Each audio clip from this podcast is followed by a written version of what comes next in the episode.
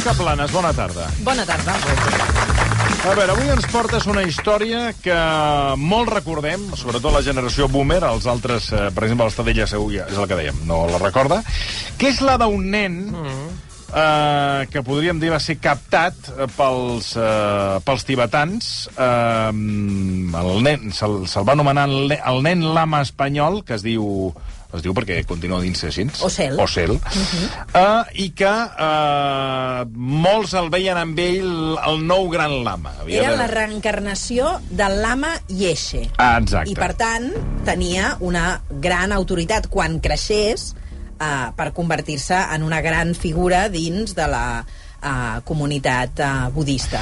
El, a la plataforma HBO estrenarà la setmana vinent, dijous 3 de novembre, aquest documental que no us deixarà, no us deixarà indiferents, dirigit per Lucas Figueroa i protagonitzat pel mateix nen que va estar estudiant durant 18, bueno, 18, un grapat d'anys fins que va fer 18, a, al Tíbet, amb un, eh, amb un lloc on ell, doncs, eh, en fi, va passar tota mena de vicissituds. Era instruït pels monjos budistes, eh, és a dir, la seva mare i el seu pare vivien en una comuni eh, comunitat budista que hi havia a l'Alpujarra.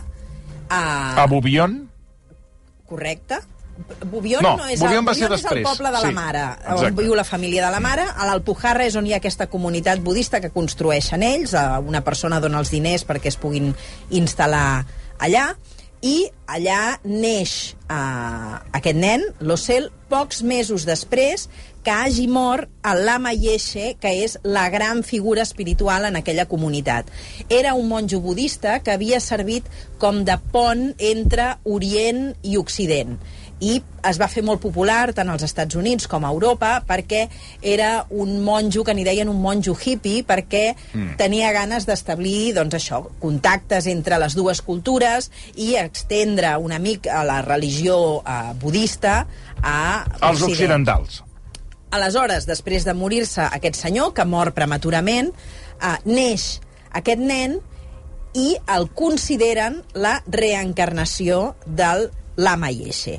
Si us sembla, escoltem un fragment de com el telediario d'aquella època i l'informe semanal explicaven aquesta notícia. Fue una historia sorprendente. Al morir el Lama Yese en 1984, sus discípulos visitaron el centro budista de las Alpujarras en Granada. Allí había nacido un bebé que parecía la reencarnación del Lama Yese. Se dice que Osel Ita Torres, así se llama este niño, es la reencarnación de uno de los más importantes maestros budistas.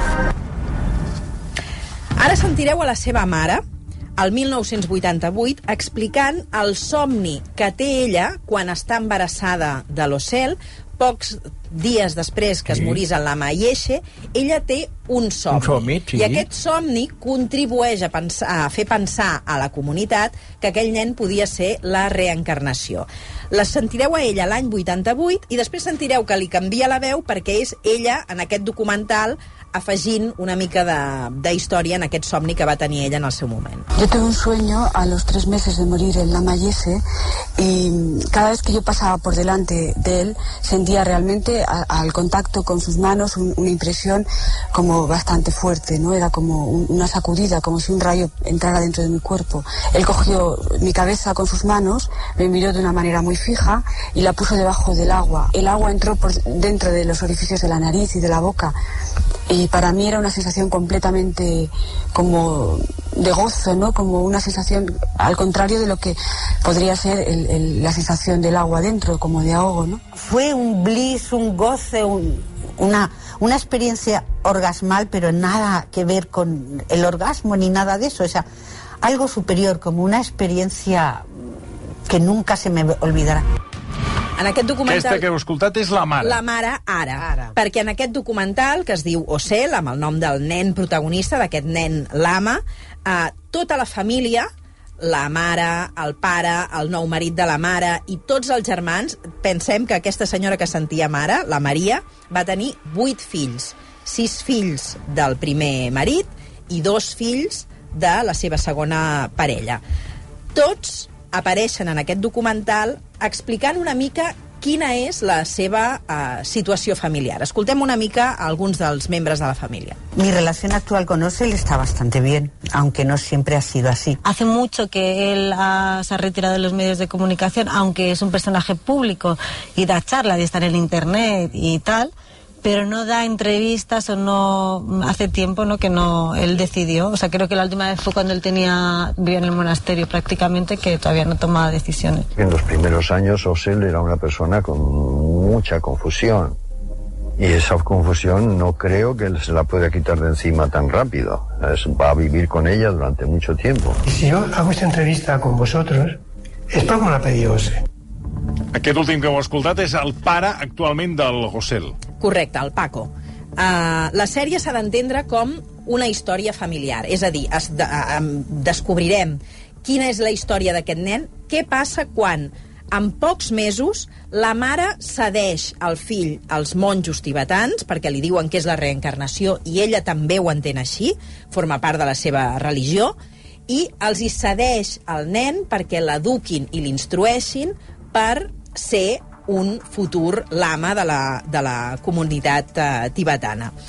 Però, d'altra banda, la sèrie també s'ha d'entendre com la història d'una família, és a dir, com un pare i una mare que tenen sis fills, que el segon marit també viu a la comunitat, que després tindran més fills, i com gestionen emocionalment tot aquest embolic familiar, perquè, de fet, el Ocel és el que l'envien en el, al Tíbet, en aquest uh, monestir, però després tots els altres fills serveixen una mica de comparsa. Ara tu te'n vas a viure amb el pare, ara t'envio amb un internat a Suïssa, ara vosaltres dues marxeu amb una família a Los Angeles.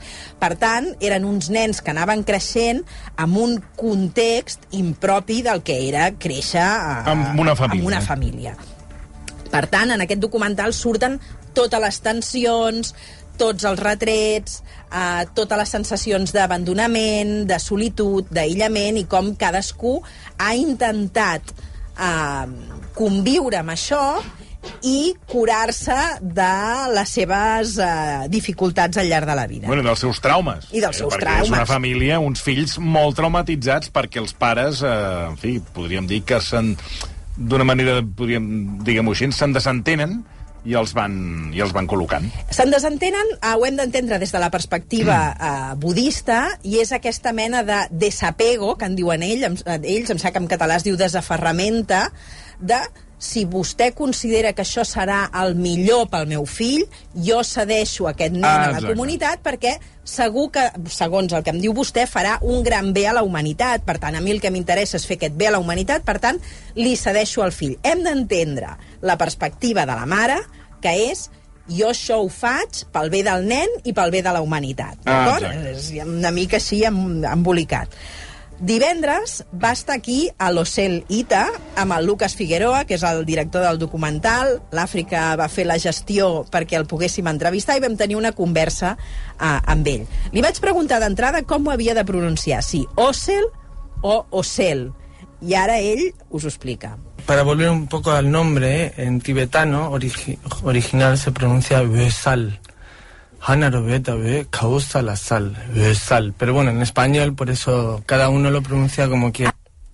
Hem d'entendre que el uh, Ocel, la seva, el seu idioma principal és el tibetà, és el que va aprendre allà. Clar, el, el- el castellà és només amb el que eh, s'entén amb els seus pares i, i ara viu a Eivissa i, per tant, és el que fa servir per relacionar-se ara, però el seu idioma amb el qual s'ha educat i La fet... seva llengua materna, La seva diríem, llengua eh? materna, tot, tot i que... Tot i que no hi ha la mare allà, la llengua parlant en tibetà, però amb el vaja. que es comunicava allà és la de la Tibetà, va perquè va estar el al monestir i, a més, estava, podríem dir que enclaustrat al, al monestir perquè no el deixava... O sigui, eh, l'havia d'estar molts moments sol i només estudiar, estudiant una barbaritat d'hores. Sembla que eren 12 o 18 hores al dia. Amb 6 anys estudiava, entre els 4 i els 8 anys estudiava 6 hores al dia i després eh, 16 hores al dia. Al dia. Sol, el feien menjar sol mentre veia com tota la comunitat menjava junta i parlava i es divertia. Ell havia d'estar sol. Sol.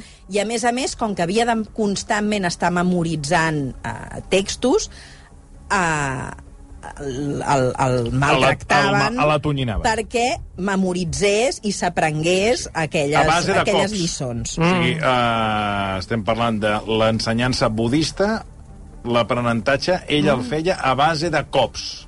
Ah, a banda de tot el que van escrivint, ell va fer un di... ho explica en, el... explica en aquest eh, documental de quatre capítols, ell fa un diari i allà apunta el que viu cada dia, que això no ho saben els del monestir. I aquest diari, un bon dia, arriba a les mans del- d'un dels... Eh, dels, del, del, dels, Dels superiors, Dels, no, o- no, dels pares Ah, dels pares. del- de- d'un dels pares, el Michel, crec que és, Mhm. i quan llegeix eh, el dietari queda horroritzat. Però això és un dels pares, perquè l'altre pare, que és el Paco, ho troba tot fantàstic i Ah. considera que, Mhm. escolta, que és per on ha de passar el fill, si ha de ser el- l'ama o ha de ser un gran, un gran mestre budista, Sí, sí. doncs eh, si la... Que és la disciplina que li Si convé. el piquen, Sí, pues, escolta, sí, és per sí. on ha de passar, Sí, perquè és ell, el, el Paco, mira pel futur del seu fill. En canvi, l'altre pare, o el de padrastre en aquest cas, eh, que eh, és el que és el Michel, doncs clar, ho veu d'una manera eh, podríem dir diametralment oposada perquè ja no està d'acord amb el que li fan a l'Osel. El director Lucas Figueroa ha sigut molt prudent a l'hora de Perdó, folgar- Michel no, François. És, eh, ho tinc apuntat aquí. François, Paco i Maria Torres, disculpeu. François és el pare que no està d'acord amb Mm, que és el que amb el que segon fa. marit. El segon Sí. marit, exacte. Perquè sempre, des del començament, la relació, perquè és una relació hippie, era de tres. Mm. La del Paco amb la Maria, amb la Maria Torres i la del François. Després la Maria Torres, amb el pas dels anys, s'enamora més del François, que és el Mm. que no ha estat, i se'n va a viure amb ell. Endavant, Mònica, perdó. el, el Lucas Figueroa no ha volgut fer mm, burxar gaire en saber els detalls d'aquesta situació d'abusos i maltractaments. Ha sigut molt prudent perquè creia que eh, el relat se n'anava excessivament, la força anava massa excessivament en el detall d'aquest maltractament. Però a mi em va cridar l'atenció com eh, tro vaig trobar a faltar la paraula abusos o maltractament en el documental. I va haver un moment que li vaig preguntar a l'Ocel si ell potser no se sentia un nen abusat o maltractat. Veureu com de seguida eh, defuig el, el tema. Yo desde muy pequeño eh, tuve que madurar muy, muy rápido y lo que aprendí fue de que cada uno elige cómo reaccionar a cualquier circunstancia y que al final lo que realmente importa es la perspectiva y la actitud. Y, y yo pues eh, aprendí eso a una, a una temprana edad y me ha ayudado a poder adaptarme positivamente que es realmente lo que, lo que está contando Lucas, ¿no? Es el proceso, es la transformación, eh, el hecho de que todo el mundo, cada uno de nosotros podemos adaptarnos perfectamente, de una manera positiva, porque somos nosotros los que elegimos. Es fácil echarle la culpa a otro, pero tomar responsabilidad, ahí está el camino del héroe. Però si t'adaptes tan fàcilment, no escrius un diari explicant tot allò que et passa i tot el que pateixes. Sí, si allò és el que et serveix per defugir aquella situació. No ho tinc tan clar. Home, devia ser un camí dolorós, eh? Vull dir, veure... Sí, eh, Per, per no això en escriu, no? Clar. Per això, Clar, o sigui, el clar. diari l'escriu... Ho passa tan malament que no? escriu un diari Exacte. per, per, Sí. per, per, per, per Una altra cosa, clar, és que després ho hagi més o menys superat i totes Ah, aquestes exacte. coses. Això és, una, això és diferent, però el moment que ho escriu potser no ho passa Home, tan és bé. molt trist tot el que esteu explicant. Fa molta bueno, pena, pues, aquest pues, noi. Pues espera't. Que Fa no molta és res. pena. Això no és res. Uh, us he de dir que en alguns moments tenia la sensació que el, aquest un pot escollir, un és l'heroi si es pot adap adaptar, etc Mm, etc. sonava més a discurs après, Mm. allò memoritzat, per assumir que aquella ha de ser la teva manera d'entendre la teva pròpia vida, que no pas un discurs que realment et serveixi per eh, consolar-te o acceptar o mirar de superar el, el trauma. Ara l'Ocel té un fill de 5 anys i li vaig preguntar com eh, gestionava ara la paternitat tenint en compte la seva pròpia història. Yo te lo puedo explicar muy claramente porque tengo un hijo de cinco años ahora y lo veo muy claramente la diferencia entre cuando yo tenía dos o cuatro o cinco y cuando él tenía dos, cuatro o cinco. O sea, eh, yo con dos años ya había dado la vuelta al mundo. Y él con dos años pues era, estaba con sus padres, con su familia, disfrutando, con la compañía de otros niños. Y entonces yo lo veo muy claramente, él tiene una oportunidad diferente también, él pues eh, evoluciona de otra manera y yo también, de pequeño. Y, y en ese proceso también estoy aprendiendo mucho, ¿no? De, de entenderme a mí mismo. li vaig preguntar que com l'educava i va Bueno, contestar... perquè ja expliquen al documental mm. que, bueno, explica, i ho expliquen, que ella el porten per tot el món com una relíquia sí, sí. viva Sí, sí. per recaptar fons. Esclar. Aleshores, clar, eh, és una relíquia viva, un nen sí, sí. que el porten per tot el món, als diferents eh, monestirs eh, budistes, Ja. o centres que volen erigir budistes, per fer una... Bueno, per reca recaudar. I amb ella el tracten, perquè es veu a les imatges, com aquella pel·lícula que vam veure del pequeño, del, del gran empe pequeño, Sí, el gran emperador, El no? gran emperador. nen. Sí, sí, sí. Vale, pues, L'último emperador. El último sí, emperador. senyor. pues és l'último emperador és, és, el, és el documental. Veus l'último emperador com tots el veneren, tots li regalen un munt de coses, tots... Eh, clar, i ell és un nen. Uh -huh. I és una cosa realment que Per et deixa la, la Emma perplexa. Canela ens diu me'l vaig trobar pel carrer a Barcelona pels vols de Nadal quan era petit, acompanyat d'un monjo tibetà. Em va sorprendre la seva mirada serena i càlida per ser un nen tan petit, comenta.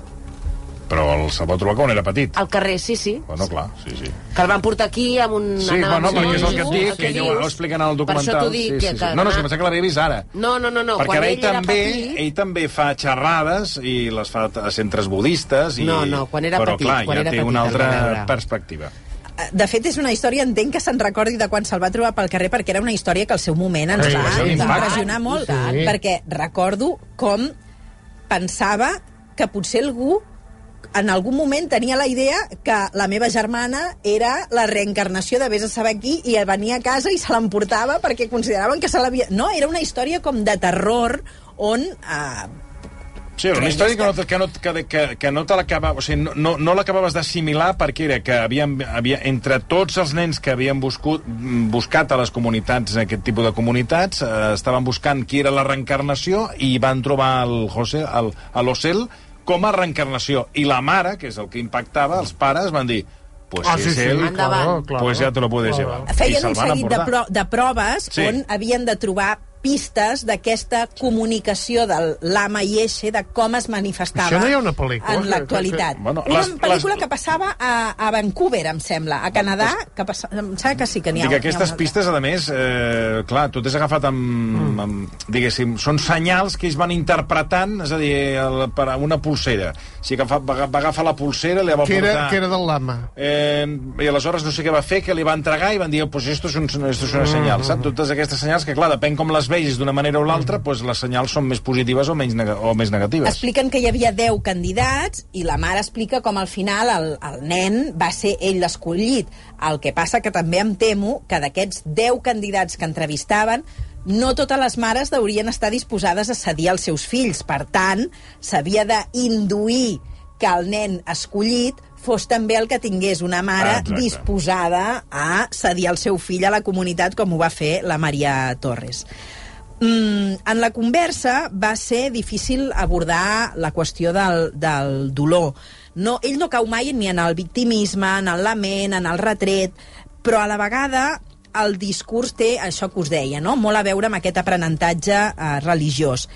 Ell considera que tots podem triar. Per tant, que mal, per malament que et vagin les coses, Mm. tu sempre pots escollir com sortir-te'n. Para una persona, a lo mejor una cosa puede ser enormemente negativo y para otra persona lo exactamente la misma cosa puede ser muy levemente negativo. Entonces también es una perspectiva, ¿entiendes? Es como uno se lo toma, uno, como uno decide reaccionar, porque yo no quiero llevar una carga, un peso encima, porque lo decido yo al final. Entonces yo prefiero tener pues un impulso, un- algo que me empuja, que me ayuda a evolucionar, a entender, ¿sabes? Y poder también ayudar a los demás. És molt entenimentat, aquest noi. Sí. No, no, perdoni, és que no et deixen diferent. En el documental, eh, cap al final, fa unes eh, fa xerrades i fa unes reflexions, perquè amb ell conversen llarga estona, que fins i tot algunes qüestions de les que diu me les vaig apuntar. Li vaig preguntar per les seves impressions un cop vist tota la seva vida concentrada en quatre episodis, quina era la impressió que li havia causat uh, veure-ho. Eh, con mi madre entendí muchísimo mejor, ¿vale? Eh, el proceso que mi madre tuvo que vivir y que está viviendo ahora, porque yo, claro, yo lo veía un poco desde mi punto de vista y no tanto del suyo. Y eso también me ayudó a, a- a entender mejor y también eh, apoyarla en ese sentido. ¿Y con tu padre? Con mi padre, eh, es que mi padre es mucho más simple como persona, entonces eh, a mi padre lo he entendido bastante bien desde una temprana edad. A mi madre me ha costado bastante más entenderla. Li vaig parla, preguntar per la seva relació actual amb la família. Con mis hermanos y hermanas, eh, pues como desde muy joven tampoco es que tuve mucha conexión, ni con mis padres tampoco, eh, pues hay una distancia realmente que sé, yo la noto, quizá ellos no tanto, pero yo la noto más cuando estoy en su compañía, que no sé mucho de qué hablar, o sea, muchas veces cuando estoy en compañía de mis hermanos, ellos todos están hablando y tal, y yo escucho más que nada. Muchas veces hablo, pero cuando hablo a, a veces suelto cada burrada que, que digo, uy, mejor no haber hablado. Porque, pero ahí también está el entrenamiento, ¿no? El entender dentro de la sociedad qué cosas se pueden decir y qué no, y cómo decirlas. Que eso también me ha costado, ¿eh? Llevo 20 años desde que salí del monasterio, bueno, 19 años, desde 2000 2003 salí.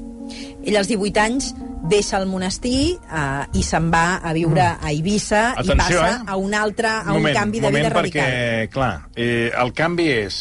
Els, diu- tot i que primer vol marxar abans, uns anys abans del monestir, i li di, el, la mare diu, el agafa, el va al monestir i se l'emporta, la mare li tras, el passa al pare que viu a Londres i el pare traeix a la mare i traeix al nen i el torna a portar al monestir perquè el pare considera que Mm. el nen El la, nen, re- el la nen reencarnació i s'ha acabat. si has estudiado y, Acaba. y tienes dotes de, De lama. de gran lama, pues te vas al monasterio Claro. y lo acabas. I amb un germà de paquet a sobre. y, a- y te vamos a poner un hermano para que te distraigas un poco más. Mm. I aquí ja ell comença descobreix el que és la marihuana, perquè ja ha estat en contacte amb la marihuana, i aleshores ell s'emporta eh, el que en diríem eh, doncs, un seguit de, de cogombrets que els fa créixer d'amagat perquè no ho vegi la comunitat i, exacte, i aleshores comença a fumar marihuana perquè amb ell és el que li genera la, la desconnexió Clar. i el seu, eh, el seu en fi, la, Per fugir. exacte, la, la manera de fugir de, de, de, de, de, del monestir i als 18 diu jo me'n vaig toca el 2 i on va? a on viu la seva mare i on viu la seva mare? a Eivissa Clar, a Eivissa, tirem anys enrere, què hi ha a Eivissa? Tot, o sigui, és, és, és el, El yin- és el el yin i yang, el clar. O disloque. sigui, El és paraíso. Ja, esto, esto. Bueno, Fiesta, clar, a- noche, A Eivissa és eh, passem del monestir, de- d'aixecar-te el a les contrast. 4 Una del disciplina, matí, sí. la disciplina, tal, passem a Eivissa. Fiesta, que clar, tete. Eivissa és el que... El... Ja, esto, esto.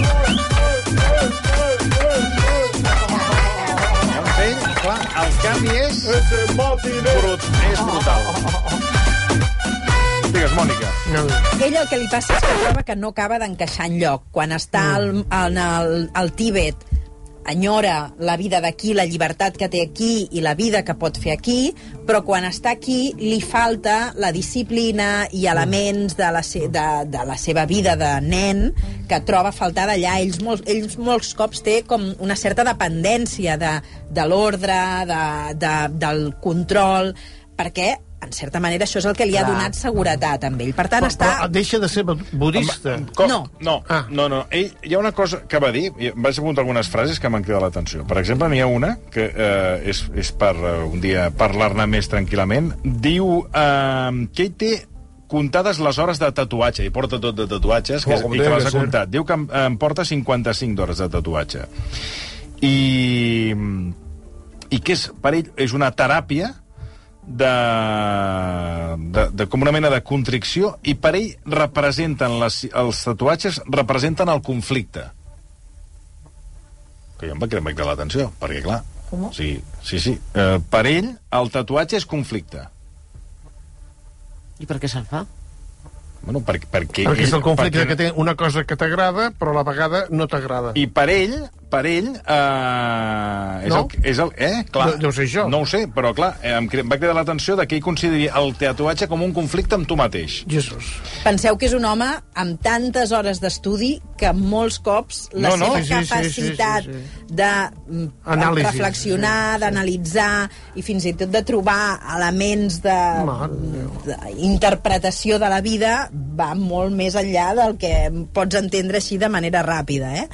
Um, jo li vaig... Ell parlava molt sempre del xoc cultural que Home, té, clar, perquè ell és que considera que repeteixo, la seva clar. cultura Però pensa, pròpia és, la, és el que dèiem, l'oriental. ve del monestir i va a viure a Eivissa. És que, clar, això quan ho vaig veure, vaig pensar, hosti, és que és el pitjor lloc on pots anar.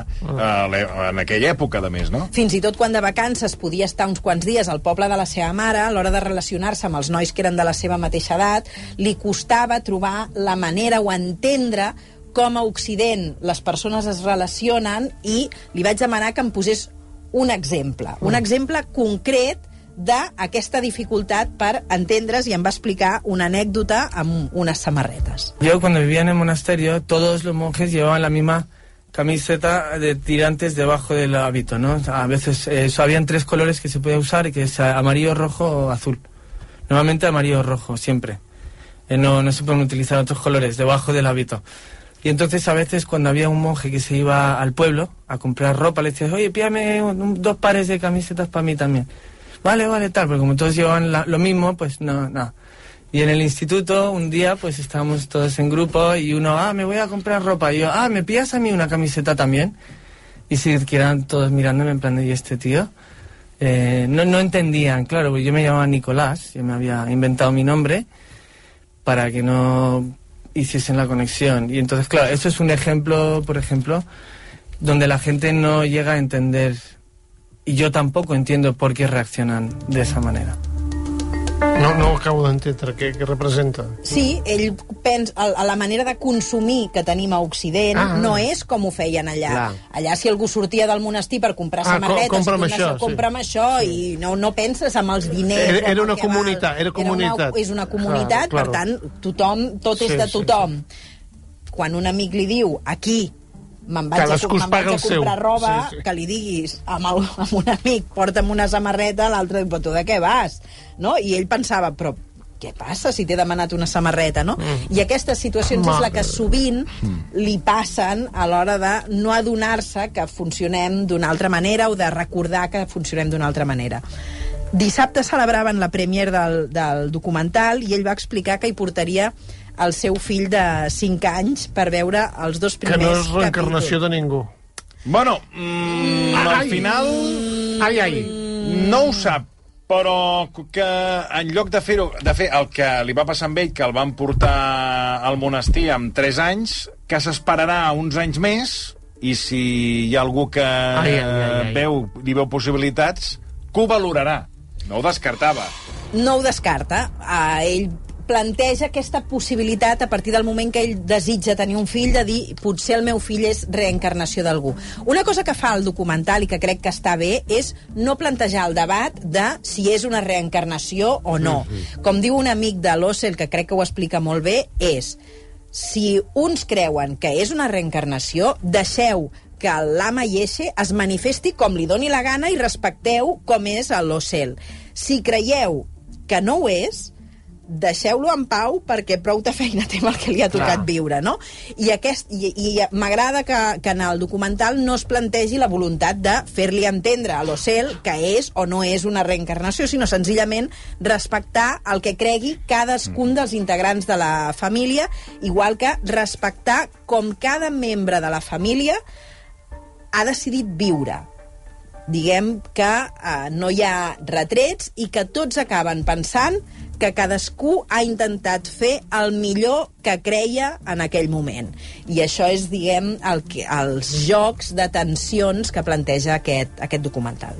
I ara ell, eh, clar, mm, preguntareu a què es dedica. Mm. Doncs ara ha creat, per això ell, un dels arguments eh, pel, pel qual diu que ha aparegut en aquest documental, perquè ha creat un, eh, una mena de, mm, no sé si no, una, com una associació, una ONG, que es diu Global Tree eh, Initiation, que és la de plantar arbres pel món, Està bé, eh? més les ecoaldees. Llavors ell diu que està en aquesta, que, que està en aquesta tasca i que vés a saber si el, la reencarnació del, de l'ai- de l'ama Jesse si ara el que aquest era un precursor i era un innovador i que a més el, el que era el, el, el, el, el la, la religió, els, els, els tibetans ortodoxes no el veien bé, aquest el Jesse, Mm. el veien... Massa modern. Massa modern, que ara no sigui ell, el- l'Ocel, massa modern perquè ja va sense túnica i sigui, mm. sigui la reencarnació del, del que en el seu dia també era modern, que era el Jesse, que sigui ell fent aquesta, Aquest pas nou. aquests organismes... Sí, que, exacte, sí. que la, la religió tibetana passa pel Global Tree Initiation i era Caldeas. I ens ho deixen aquí sobre la Eh, taula. jo trobo que és bonic aquesta voluntat de mostrar De fer- aquests sí. paral·lelismes tant si creus que és per una reencarnació com senzillament per una inspiració de vida i perquè acabes suposant un referent i vols fer el mateix. Aquí no s'obliga a ningú a creure en cap de les opcions.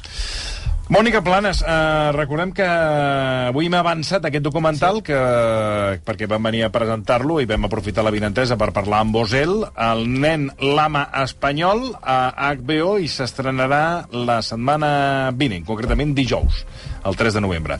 Mònica, moltíssimes gràcies. A vosaltres. Dos minuts i Hi ha mig. una notícia d'última hora que m'ha deixat... Sí, és que fa una setmana en l'aire. És que, sisplau, Ai, ai. porteu una aspirina o, no sé, morfina. Ara la, ara la comentem.